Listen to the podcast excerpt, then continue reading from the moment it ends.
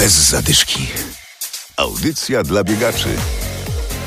42 km i 195 metrów. Dziś w programie o poznańskim maratonie. W tym roku bieg odbędzie się już po raz 20. Adam Michalkiewicz i Adam Sołtysiak zapraszamy. Bez zadyszki.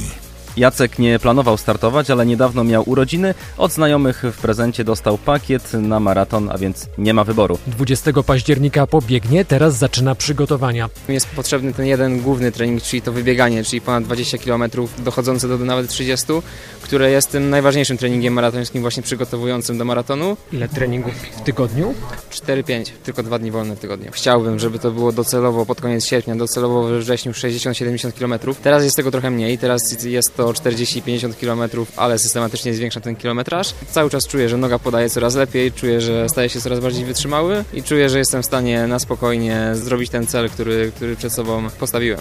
Jacek biega od kilku lat i nie jest debiutantem. Jeśli jednak ktoś dopiero zaczyna swoją przygodę z bieganiem, to na start w tegorocznym maratonie jest już zdecydowanie za późno. W tym roku maratończycy pobiegną nową trasą, a o zmianach mówi dyrektor imprezy Łukasz Miadziołko. W dużym skrócie trasę obróciliśmy Głównie z tego punktu, gdyż, gdyż zawodnicy mm, zwracali nam uwagę, że podbieg długi, wypłaszczony na ulicy Świętego Wawrzyńca na 37 km trasy maratonu był dla nich uciążeniem. Tych prostych jest bardzo dużo, to dobre dla biegacza? Każdy ma inne zdanie. Wielu zawodników, zwłaszcza tych szybszych, którzy będą gdzieś, myślę, łamać barierę 3 godzin, bardzo nie lubi e, częstych zakrętów, zwłaszcza jeśli ci najszybsi będą bić rekord trasy poznańskiego maratonu. Natomiast oczywiście długie proste są trochę nużące, też to wiem z doświadczenia i tu trzeba się przygotować. Według Jacka trasa jest lepsza, choć może być kilka problemowych odcinków.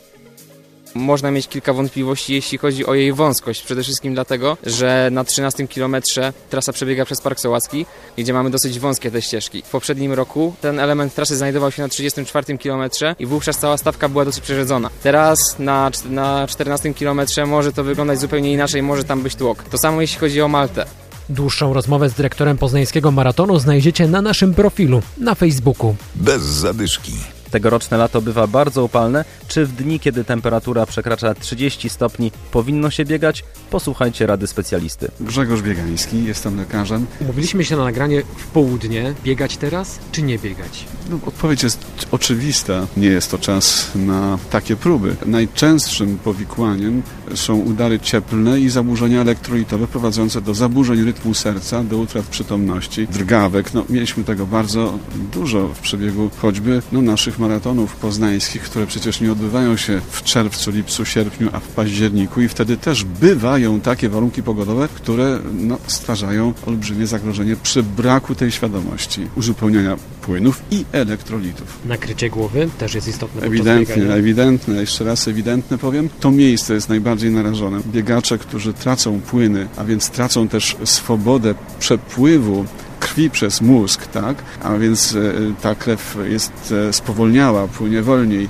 Narażeni jesteśmy na cały szereg powikłań. Na lato wcale treningów nie trzeba odpuszczać? Nie należy odpuszczać, należy korelować czas ich przeprowadzania. Czyli w upalne dni biegamy albo wcześnie rano, albo późno wieczorem. A dziś wieczorem bieg w Puszczykowie, piątka i dziesiątka nocnego Puszczyka, jutro w Nowym Tomyślu bieg przybij piątkę, a w niedzielę 28 bieg opalińskich o Puchar Burmistrza Opalenicy. Powodzenia!